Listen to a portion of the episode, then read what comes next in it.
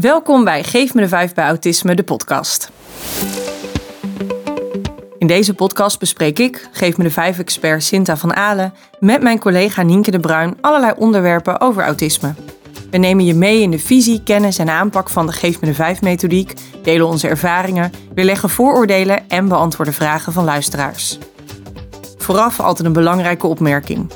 Autisme uit zich bij de ene persoon totaal anders dan bij de ander. Wij kunnen in deze podcast niet alles op maat maken. Nuanceer daarom wat we zeggen en gebruik vooral alleen dat wat bij jou past. En vandaag in de aflevering 7 bespreken wij een casus. En deze casus die gaat uh, over schoolschorsing. En dan ben ik nieuwsgierig, Sinta. Ben jij ooit geschorst van school? Ja, daar krijg je echt een heel saai antwoord op. Want ik was echt, uh, denk ik, de meest brave leerling die uh, het onderwijssysteem in Nederland ooit heeft gezien. Ik was ook een beetje bang voor fouten maken. Dus regels overtreden valt ook onder fouten maken. En het idee dat je daarop aangesproken kon worden, dat gaf mij echt heel erg veel stress. Dus ik heb in, in zes jaar onderwijstijd, uh, heb ik één keer heb ik moeten nablijven en het plein moeten vegen.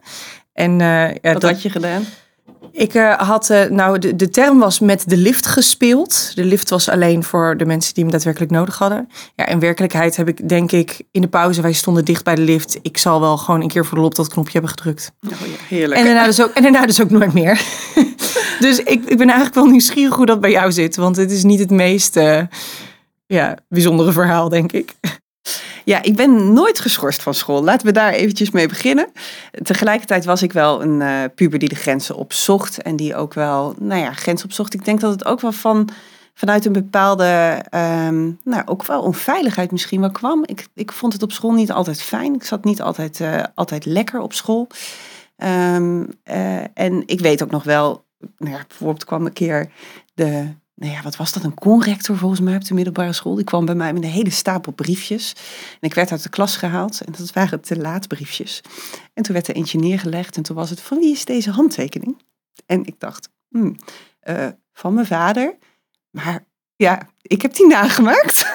En toen kwam het volgende briefje en het volgende briefje. En ik weet nog dat die conrector heel boos was, maar dat ik eigenlijk best relaxed kon blijven of zo. Omdat ik wist, het, het was niet dat ik het verkeerd wou doen. Het was niet dat ik, dat ik, dat ik ja, um, niet op school wou zijn. Uh, nee, eigenlijk wel. Want eigenlijk voelde ik me niet fijn. Maar ik wist dat het daar vandaan kwam. Ja, en je was dus wel heel eerlijk ook in dat moment. Ik was heel eerlijk, ja. Deze is van ja. mijn vader, maar deze is van mij. Ja, en zeker. Hoeveel zeker. lagen er ongeveer? nou, ik, ik, denk dat er wel meer dan twintig waren of zo. Halverwege het school, en, ja. En hoeveel daarvan had je zelf ondertekend? En nou, het grootste gedeelte, zeker. Nou ja. ik, uh, ik weet nog dat ik uh, heel lang heb op mijn kamer heb zitten oefenen op die handtekening om dat goed te doen. Maar als puber kan je dat toch niet helemaal zo goed doen. Ja, maar eigenlijk, we lachen er nu om. Maar tegelijkertijd weet ik, mijn middelbare schooltijd was best heftig. Ik vond dat best, uh, best ingewikkeld op school. Um, nou ja, om binnen alle kaders, alle regels, de dingen te doen. ja, ik heb daar best wel gezocht. En ik denk dat dat ook is waar we het vandaag over gaan hebben. Bij ons aangeschoven is Mathilde. Mathilde is al meer dan 30 jaar werkzaam in de zorg en ook al die jaren uh, werkt ze met mensen met autisme. Uh, ze is ook al nou ja, de helft van die tijd, al 15 jaar werkzaam bij Autimaat, de GGZ-instelling van Geef me de Vijf. Uh, en de laatste jaren daarvan ook bij Geef me de Vijf. Dat betekent dat ze al nou ja, eigenlijk bijna van het begin van oprichten van onze bedrijven erbij was. En op dit moment is zij Geef me de Vijf trainer fulltime, zo ongeveer. Want laatst weet ik dat ze de award heeft gewonnen voor de meeste trainingsdagen van alle trainers. Hoeveel waren het er ook weer, Mathilde? 107, 107 weet ik. in een jaar, ja. ja zeven ja. trainingdagen in een jaar. Ja, want ik ja. heb ze geteld en, uh, en ik was echt redelijk uh, weggeblazen over hoe überhaupt het mogelijk is dat je zoveel... Uh, uh, cursusdagen in een jaar geeft. Maar het waren er echt 107. Het waren er 107. Ja, ja bizar. Ja. En vandaag sluit je bij ons aan om een casus te bespreken die jij uh, tegenkwam uh, toen jij nog de systeembehandeling deed bij Automaat. En die casus gaat over schoolschorsing. Ja. Kan je ons meenemen in hoe jij in aanraking kwam met dit gezin? Ja, dat kan ik zeker. Uh, überhaupt fijn dat ik hier even mag aansluiten. Dus uh, fijn om hier te zijn. Uh, maar dit was 15 jaar geleden. En eigenlijk was het een van mijn eerste gezinnen waar ik aan de slag ging. en dat was een jonge dame van 18 jaar. En de vraag was met name vanuit school en vanuit ouders: help onze dochter, help deze jonge dame haar diploma te halen. Want ze was al een keer van een school geschorst. Dus ze moest, is van school verwijderd en toen moest ze naar een andere school toe. En ook daar dreigde weer een schorsing wegens veelvuldig afwezig zijn. Oftewel spijbelen noemden ze het. En ik weet nog, uh, uh, ik werkte hier net en toen wilde ik het ook heel graag goed doen. En dan ga je dus al naar het gezin uh, met de, de, de hoop, de verwachting dat je het wel even gaat fixen. En ik heb zoveel van deze jonge dame geleerd. Want ik merkte in de eerste gesprekken dat ik helemaal niet goed bij haar aansloot. En dat ik eigenlijk al van alles vond. En dat ik eigenlijk vooral vond dat we het moesten gaan oplossen. En wat ja, ik van... want eventjes de uh, systeembehandeling, ik noem het net eventjes kort, maar dat is uh, het outreachend werken. Dus jij gaat als behandelaar naar een gezin, naar dat Ja. huis toe. Ja. Je hebt daar een afspraak en jij Ja. werkt daar zowel soms met ouders als een andere keer dat je ook met de kinderen, de jongeren zelf werkt. Ja, dat klopt. Dat klopt. En, Ja. en soms dus ook met school. Ja, en jij kwam hier dus binnen. Jij dacht, nou, ik uh, huppakee, frisse moed. Ik kom in Ja. het gezin en Ja. ik ga dit fixen. Ik ga dit fixen. Ja. Ja, En en dat- ik hoorde je al zeggen, spijbelen, zo noemen ze dat dan. Ja, Ja, daar vind jij dus ook wat nou, van. dat dacht ik. Toen Ja? vond ik daar nog wat van. Want wat vond je daarvan dan? Nou ja, ik dacht, daar uh, moet het over hebben dat dat niet de bedoeling is. En toen dacht ik wel, er zal wel een reden zijn. Maar ik denk, ik moet ook die samenhang geven van oorzaak en gevolg. Ja, dus als je niet naar school gaat, dan is dit de consequentie. Is dit, is dit Ja. de consequentie? Ja, Ja. dat klopt. Maar dat hadden kennelijk al heel veel mensen gedaan. En dat had niet geholpen. Nee. Nee. En wat ik van haar heb geleerd is om echt bij haar aan te sluiten. Want zij had echt een goede reden om te spijbelen. En dat was namelijk dat het veel te veel was. En ze raakte totaal overprikkeld. En zij had eigenlijk zelf een hele handige oplossing bedacht voor een probleem. Dat is namelijk op het moment dat het echt niet meer ging, want ze kreeg zo'n punthoofd. Ze werd echt gewoon onpasselijk, echt naar van overprikkeling. En zij dacht, ik ken maar één manier en dat is eruit stappen. Hey, en, kunnen we even terug? Ja. Eerste ontmoeting. Ja. Wat kan je er nog van herinneren, 15 jaar geleden? De eerste ontmoeting. Ehm, ja, ik zak bijna van schaamte onder tafel als ik het daarover heb. Ik ging heel veel vragen stellen, maar ik merkte al dat ik naar een oplossingsrichting wilde. Dus wat voor vragen stelde je dan bijvoorbeeld? Oh, 15 jaar geleden is best wel lang. Ehm, nou ja, eh, ja dat, dat weet ik eigenlijk niet meer. Maar wel heel erg al, ik weet wel dat ik te veel naar een oplossingsrichting ging. Dus je was echt aan het sturen naar dat, Ja. dat zij ging begrijpen. Ja, als jij Ja. heel veel de- Ja. eh, niet naar de lessen Ja. gaat, Ja. dan word je geschorst. Ja, en ik ging oorzaak en Ja. gevolg. En hoe graag wil je dan je diploma halen? En dat Ja. soort dingen ging ik Ja, uit. Maar ja, op de eh, motivatie gaan zitten. Ja, en ook wel van, eh, weet je, dan is het dan te veel. Ja, dus ik sloot wel wat aan, maar niet voldoende. Nee. En, eh, En wat voor meisje had je tegenover je? Ach, eh, ja, geweldig kind. Ehm super slim. Heel gevoelig. En zij had feilloos door dat ik niet bij haar aansloot. Want, hoe merkte je dat? Omdat ze op een gegeven moment de ogen begon te draaien. Ja. Oh, vertel. Ja. Want zij begint met de ogen te draaien, dan weet jij, ik sluit niet aan. Ik sluit niet aan. En daar raakte ik zo onzeker van. En op een gegeven moment dacht ik, ik laat alles los wat ik ken. En toen ben ik gewoon achterover gaan zitten. Want het enige wat ik wel kende was achterover en aansluiten. Dat heb ik in mijn vorige werk geleerd. En toen ging ik achterover en toen ging ik alleen maar aansluiten bij haar. Want wat doe je als je achterover gaat zitten? Luisteren. Ja. Echt luisteren. Jij hebt mij wat te zeggen. Jij hebt ons allemaal iets te zeggen. En wij, het is aan ons om naar jou te gaan luisteren. En toen ben ik achterover gegaan, ben ik echt gaan luisteren. En vanaf dat moment kwamen we echt met elkaar in contact. Dus van haar heb ik geleerd om aan te sluiten. Hm. Ja, En dit is echt de gevende vijf basishouding. Hè? Ja. Weten dat dat gedrag, dat ongewenste gedrag, dat komt vanuit een hulpvraag. Daar zit iets onder. Ja. Ik ben er voor jou, ik ga ruimte nemen voor jou. Ja. Ik ga achterover zitten en ik ga kijken, wat heb jij mij te vertellen? Ja, en je merkt al meteen, daarom vond ik het zo interessant dat jij al meteen in het begin zei, ja, spijbelen noemen ze dat dan. ja, Dat het woord spijbelen heeft volgens mij ontzettende lading, dat dat Ja. dus een, een puber is, ja, die geen zin heeft in school ja. en dus er ehm, doelbewust voor kiest om gewoon lekker niet te gaan. En dat doelbewuste zat hier in zekere zin ook in, maar met een heel ander doel dan Ja. wat mensen vaak denken als ze het woord spijbelen horen. Ja. Spijbelen heeft ook meteen een ontzettend negatieve lading. Ja. Ja, we gaan er meteen gewoon vanuit als een puber die er geen zin in heeft. Ja. En die, eh, die geen zin heeft om te werken voor dat diploma. En wij als volwassenen weten allemaal dat, dat je dat wel moet doen. Want anders, eh, ja. Ja, die zit er heel erg onder al. Waar ik nog heel even op in zou willen zoomen, eh, is het stukje dat jij zegt, op het moment dat zij met de ogen draait, weet Mhm. ik dat ik niet goed afstem. Ja. Je bent zo'n expert, Mathilde. Je hebt zoveel jongeren, kinderen, volwassenen, alles tegenover je gehad. Wat zijn nog meer dingen waardoor jij ziet, oké, ik heb nu iets anders te doen?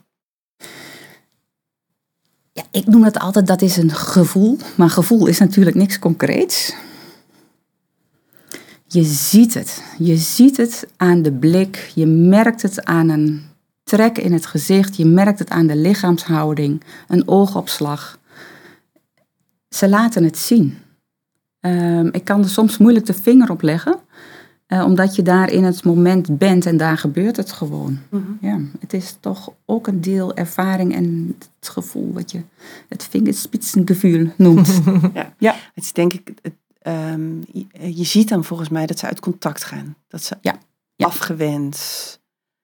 eh, Ja, ik, mer- ik noem het altijd, ik zie wanneer ik de plank missla. En dat benoem ik dan ook, van dit, dit is hem niet. Hè. En het- dat zeggen ze altijd meteen eerlijk.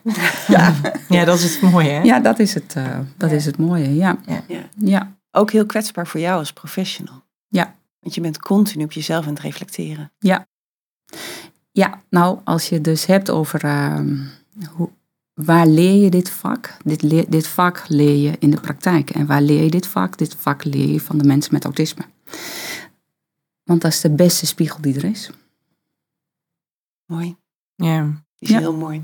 Hebben we ook al vaker langs, langs laten komen. Hè? Want het is, wij kunnen dit niet zonder mensen met autisme. Want zij geven het aan. Of zij, Ja. sommige mensen kunnen het prachtig vertellen wat ze nodig hebben. En anderen laten het zien. Dat lijf laat zien. Ja. Ja. dat wat jij nu zegt, dat klopt echt niet. Dat Nee. klopt niet bij ja, Mhm. wat ik voel, wat er is. Ja. En terug naar deze, terug naar deze casus. Ehm, jij hebt daar een, een jonge vrouw, een, een meisje die ontzettend slim is en ehm, eh, gevoelig is. En waar je uiteindelijk heel mooi mee in contact komt. Om er, en op die manier dus kan, kan achterhalen wat de reden is dat zij niet naar school gaat. Of deels Mhm. niet naar school gaat. Maar ik ben wel nieuwsgierig. Wist jij ook wat school zelf daarover zei? Had je daar contact mee of had je dat Ja. via via gehoord? Wat zei school? Nou, eh, dat was, dat was wel op zich wel heel grappig. Want eh, er was een, ehm, ehm, oh, ik weet niet meer hoe het heet, een intern begeleider. Ja. Eh, een soort intern begeleider. Fantastische vrouw. En die begreep het helemaal. Ze zei ook, ik weet ook dat er hier mensen zijn in school die het minder goed begrijpen. dus dat was op zich al heel leuk.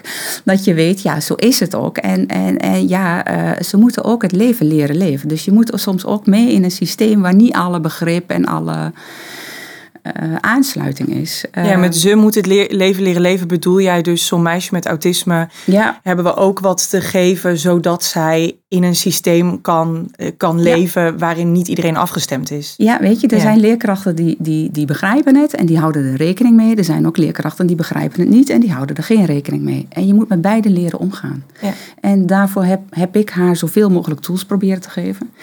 Eh, en met school hebben we een heel mooi samenwerkings, eh, samenwerking kunnen vinden.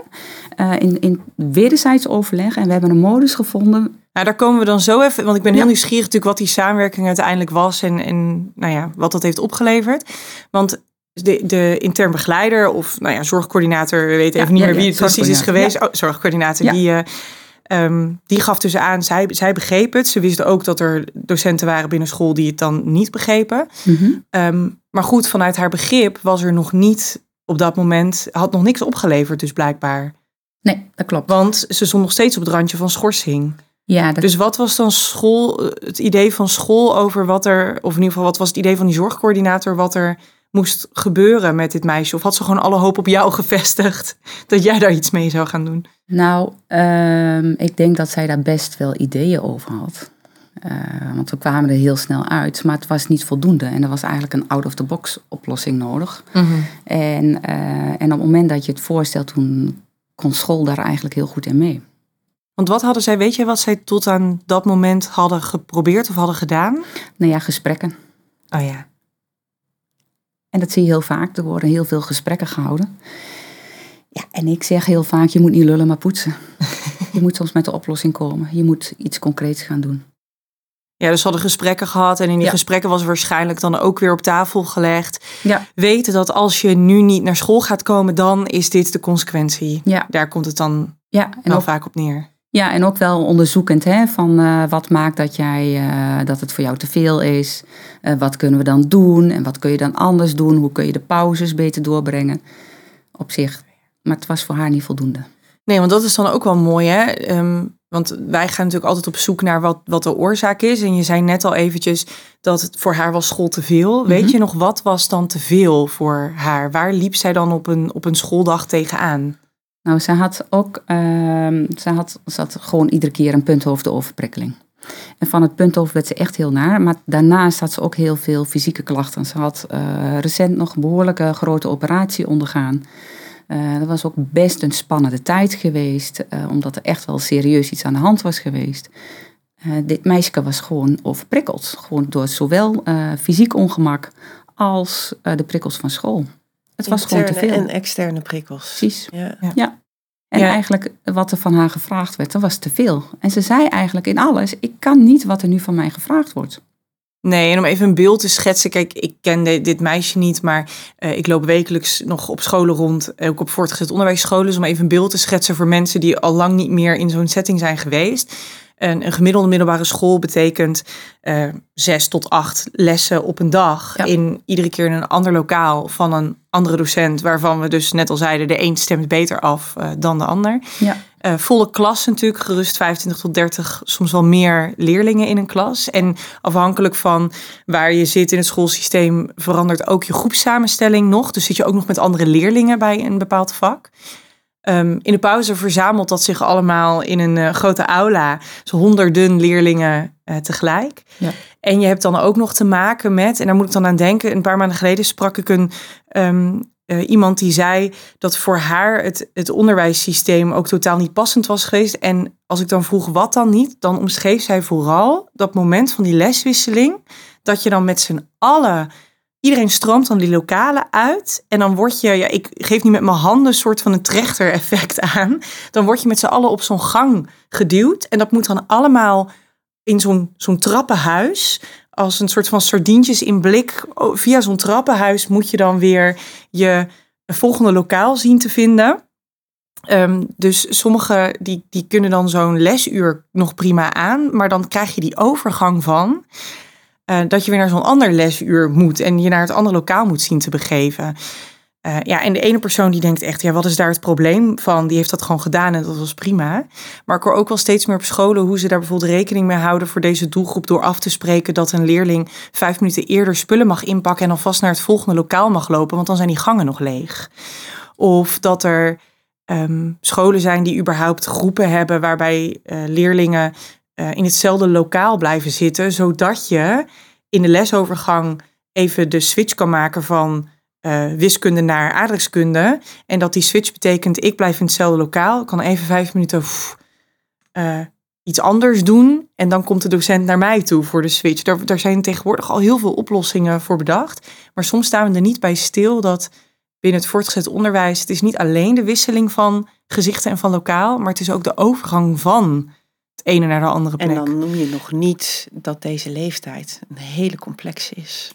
Met het zoeken van je identiteit. Ja. Met alle sociale skills die je nodig hebt, maar Ja. eigenlijk nog niet hebt. Ja. De strijd in zo'n klas. Ja. Dat komt er ook nog bij. ja, dus als we het hebben over. Als we het hebben over overprikkeling, dat Ja. gaat echt verder dan. Ja. Oh, we zitten met z'n dertigen in een lokaal en er wordt gepraat. Dat Ja. gaat zoveel verder dan dat. Ja. Ja. En wat ik ook heel vaak zie eh, bij autisme, bij vrouwen en bij meisjes in deze doelgroep. Ze pakken alles op. Eh, sociaal gebeurt er van alles. Eh, ze pakken alles op. Alleen dat is al een dagtaak om, om die informatie te verwerken. En wat bedoel je met ze pakken het op? Ja, wat, er- wat er onderling gebeurt in de sociale interacties. Ze zien wanneer iemand niet goed in orde is. En dan denken ze, hé, hey, maar jij doet heel vrolijk, maar je ziet er helemaal niet vrolijk uit. Hoe kan dat nou? Ehm, ja, dat soort dingen. En bij dit meisje zei je dat dat uitte zich ook nog eens. Dat uit zich ook fysiek bij haar, die overprikkeldheid. Ja. Want Ze werd ziek. Ze Ja. kreeg buikpijn, ze kreeg hoofdpijn. Het kon gewoon niet meer. ja. Ja. Psychosomatische klachten.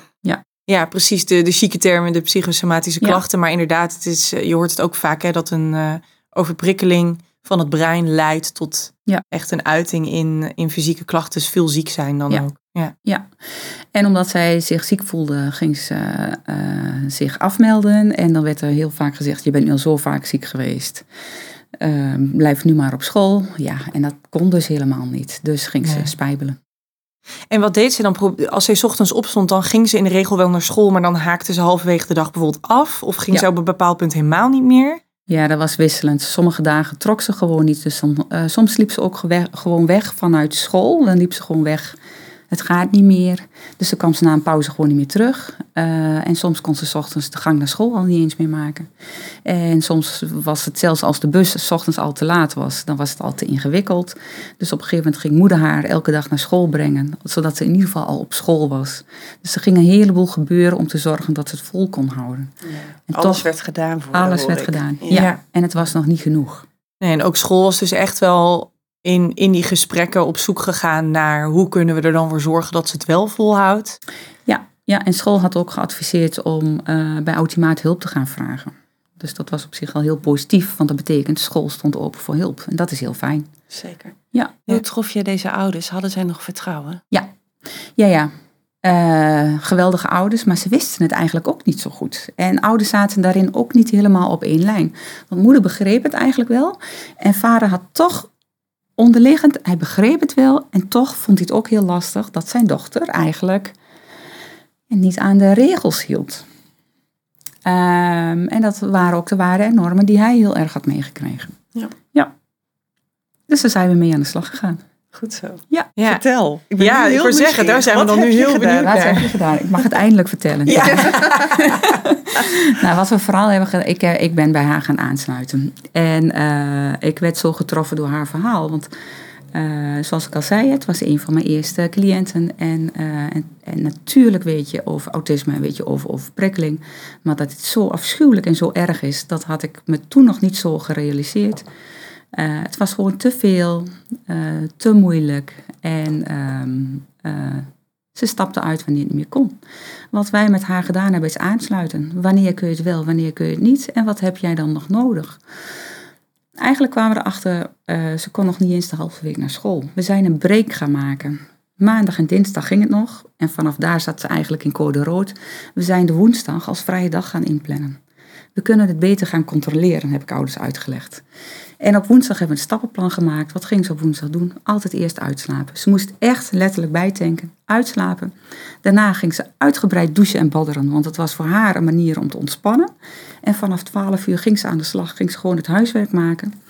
En eh, in principe hadden we afgesproken, één dag in de week is genoeg. Als het niet genoeg is, ga je eh, s smiddags voor vijf uur naar je moeder. Zoiets zo'n afspraken, ik weet het niet meer precies. En zeg je, mam, ik heb deze week twee dagen nodig. Eh, dat heeft ze één of twee keer gedaan, die twee dagen. Daarna had ze dan één dag genoeg.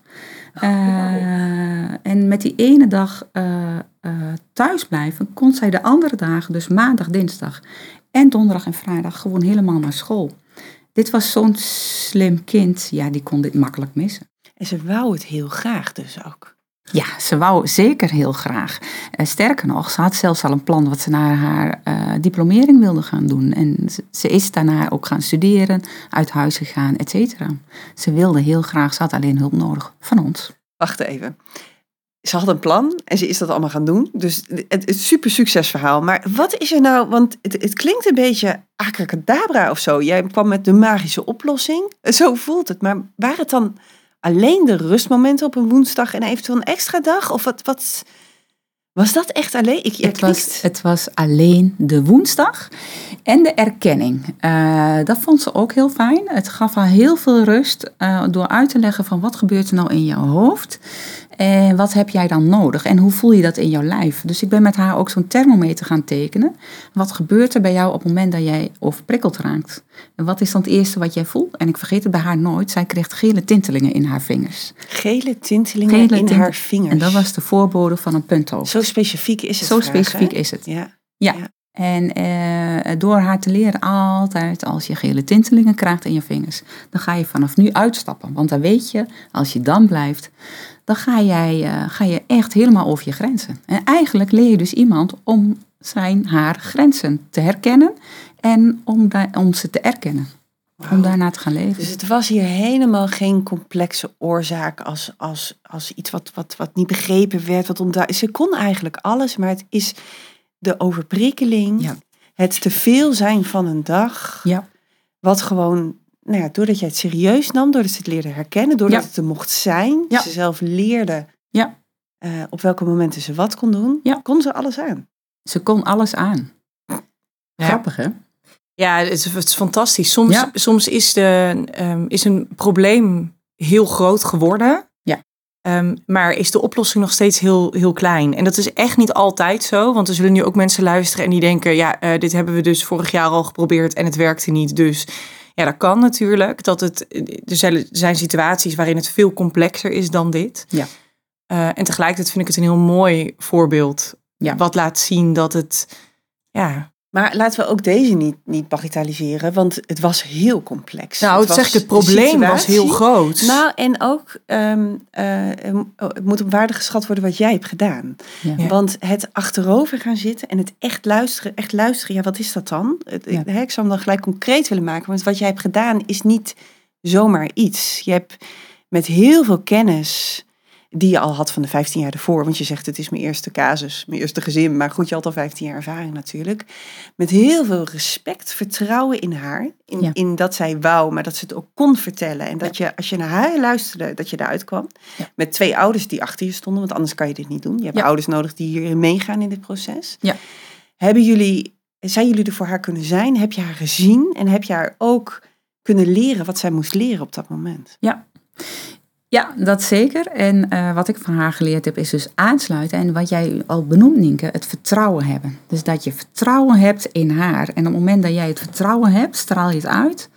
Ja, en dan gebeurt er iets moois. En eh, we hebben ook andere dingen nog gedaan hoor. Ook in de systeembehandeling, ook met de ouders eh, natuurlijk. En, en- maar vooral de psycho-educatie. Het leren herkennen van overprikkeling. Wanneer raak je overprikkeld? Wat kun je dan gaan doen? En ik heb nog wel een heel mooi voorbeeld, want dat had ik zelf nooit bedacht. Want ik vroeg een keer aan haar, wat zijn nou op school de ergste momenten? En toen zegt ze, oh Mathilde, dan heb je een toets gehad en weet je wat ze de week daarna gaan doen? En toen zei ik, nee, dat weet ik niet meer. Zegt ze, herhalen. En dan de, de manier waarop ze het zei, het herhalen, dan wordt de toets wordt besproken. Dat vond ze verschrikkelijk. Dat vond ze echt afschuwelijk. En toen bedacht ik ook, zij heeft dan gewoon, zij weet niet hoe lang, maar zij heeft dan dus niet ingevulde tijd. Dat vond ze verschrikkelijk. En daar haakte ze totaal op af. Geef haar wiskunde B met de moeilijkste sommen. Ze gaat aan, ze doet mee, eh, vindt ze fantastisch. Maar ga herhalen. Nou ja, ze ging helemaal uit. Ja, want dat kende ze al en dus had ze niks te doen en dus niet ingevulde tijd. Precies. Ja. Ja, ja, en ik hoorde jou net ook zeggen psycho-educatie. Heel even voor de zekerheid voor wie denkt psycho-educatie. Uh, Ja. Maar het is dus iemand met autisme leren over het autisme. Hè? En vooral Ja. ook in hoe in dit geval haar hoofd werkt en, en Ja. reageert. En hoe, Ja. eh, hoe waar zij dingen voelt en hoe zij die overprikkeling herkent. Ja, Ja, precies. ja En dus dan- dat wordt dan mooi psycho-educatie genoemd. Ja, en Ja. je haakt altijd aan hè, van wat ervaar je en wat gebeurt er en eh, waar loop jij tegenaan. En dat neem ik altijd als uitgangspunt van weet je wat er dan gebeurt in jouw hoofd, weet je wat er gebeurt in jouw lijf. Eh, en hoe kun je het gaan herkennen en wat kun je dan vooral gaan doen. Ja. En wat eigenlijk heel mooi is, is dat je iemand al leert om grenzen te herkennen en te erkennen. Mm. En dat is eigenlijk een van de belangrijkste dingen om te leren. En ouders stonden hier eh, voor open. Ja. Ehm, nou, zij dus uiteindelijk ook nadat jullie mooi contact hebben gekregen, maar school dus ook. Ja. Eh, want dat zei je al helemaal in het begin ergens, dat jullie uiteindelijk op een mooie samenwerking kwamen. Ja. Ehm, maar dat is ook natuurlijk heel fijn, dat school ook dacht, eh, mooi plan gaan we doen. Ja, dat is zeker heel fijn, want je vraagt iets heel geks, namelijk dat een leerling elke woensdag afwezig is. Dat is een out-of-the-box oplossing. En eh, natuurlijk, dat is niet de eerste oplossing die je gaat bedenken. Maar ik wist gewoon bij haar, dit is de enige oplossing. Eh, en we hebben een proefperiode afgesproken om te kijken van hoe gaat dit dan? En dit doe je ook op basis van wederzijds vertrouwen. Eh, en we hebben een proefperiode gedaan en het werkte. En dan weet je gewoon, we zitten op de goede weg. Mooi. Ja, Ja, mooi. heel mooi. En het is dus gelukt. eh, het is haar dus gelukt om haar diploma te halen. Ja, met vlag en wimpel. Ja. Met vlag en wimpel. Ja, ja, de motivatie was er altijd al. Ja. En ehm, haar, haar brein kon sowieso altijd al gewoon naar school gaan en, eh, en die leerstof tot zich nemen. Ja. Ja. Ja. Maar dan ook bekroond met een, eh, met een diploma. Ja, en dat ze daarna, en dat merk ik soms ook, dat, die, eh, dat het voortgezet onderwijs is voor een heleboel jongeren met autisme. Dat is toch een soort. Ja, dat is zo ingewikkeld. Een soort overlevingsstrategie moet ze daarin gaan zitten. En als ze daar maar weer vanaf zijn, dan komt er een andere periode. Dan kunnen ze gaan doen wat ze heel graag willen. Dit is eigenlijk een van de dingen wat ik altijd tegen jongeren zeg die het moeilijk hebben. Weet je dat hier een eind aan komt? Ja. Er is een eind. Er komt Ja. een moment dat deze periode over is. Ja. Dat jij volwassen bent en dat er rust wederkeert. Dat jij weet wie je bent. Dat je deze strijd niet meer hebt. Ja. En nou, ik denk de meeste keren dat ik te horen krijg. Oh, echt? Ja, dat zien ze nog niet. Nee, dat ze denken dit is het leven en zo moeilijk is het leven. Maar het gaat echt over. Vergeet deze niet. We zeggen bij Geef me vijf, eh, alles is te overleven als je weet hoe lang het duurt.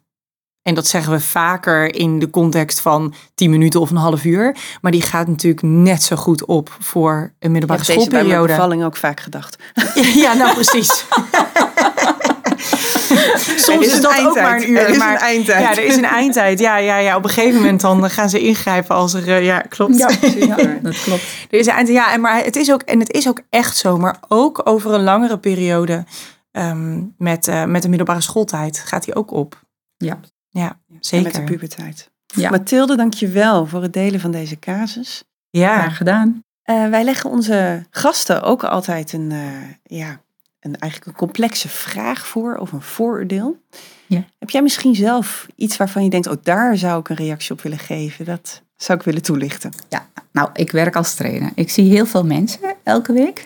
En ik krijg elke week minstens één of twee keer de vraag: Hebben ze allemaal, ehm, hebben alle autisten zo'n vraag? Hè?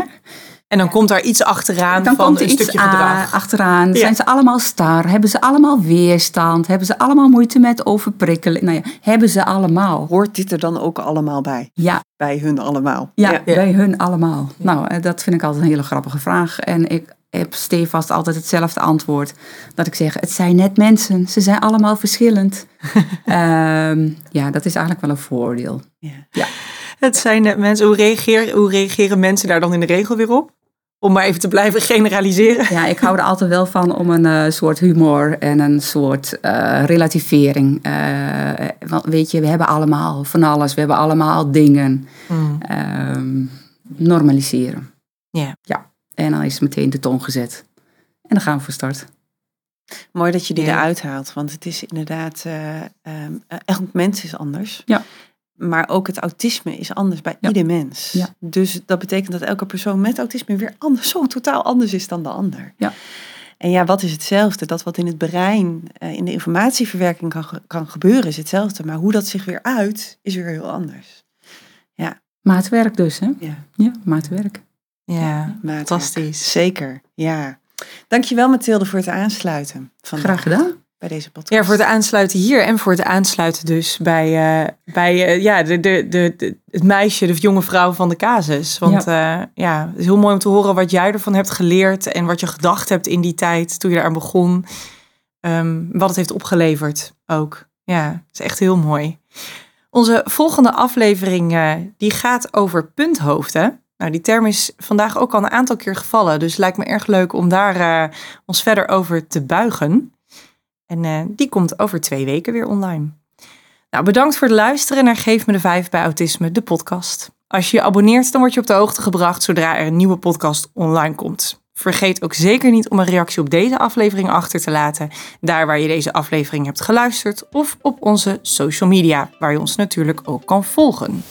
Nou, wil je nou meer leren over de methodiek? Kijk dan even op de website www.geefmede5.nl voor onze boeken en het scholingsaanbod. En heb je vragen of opmerkingen over deze aflevering? Stuur die dan naar podcast.geefmede5.nl. En dat is Geef me de 5 en het cijfer 5.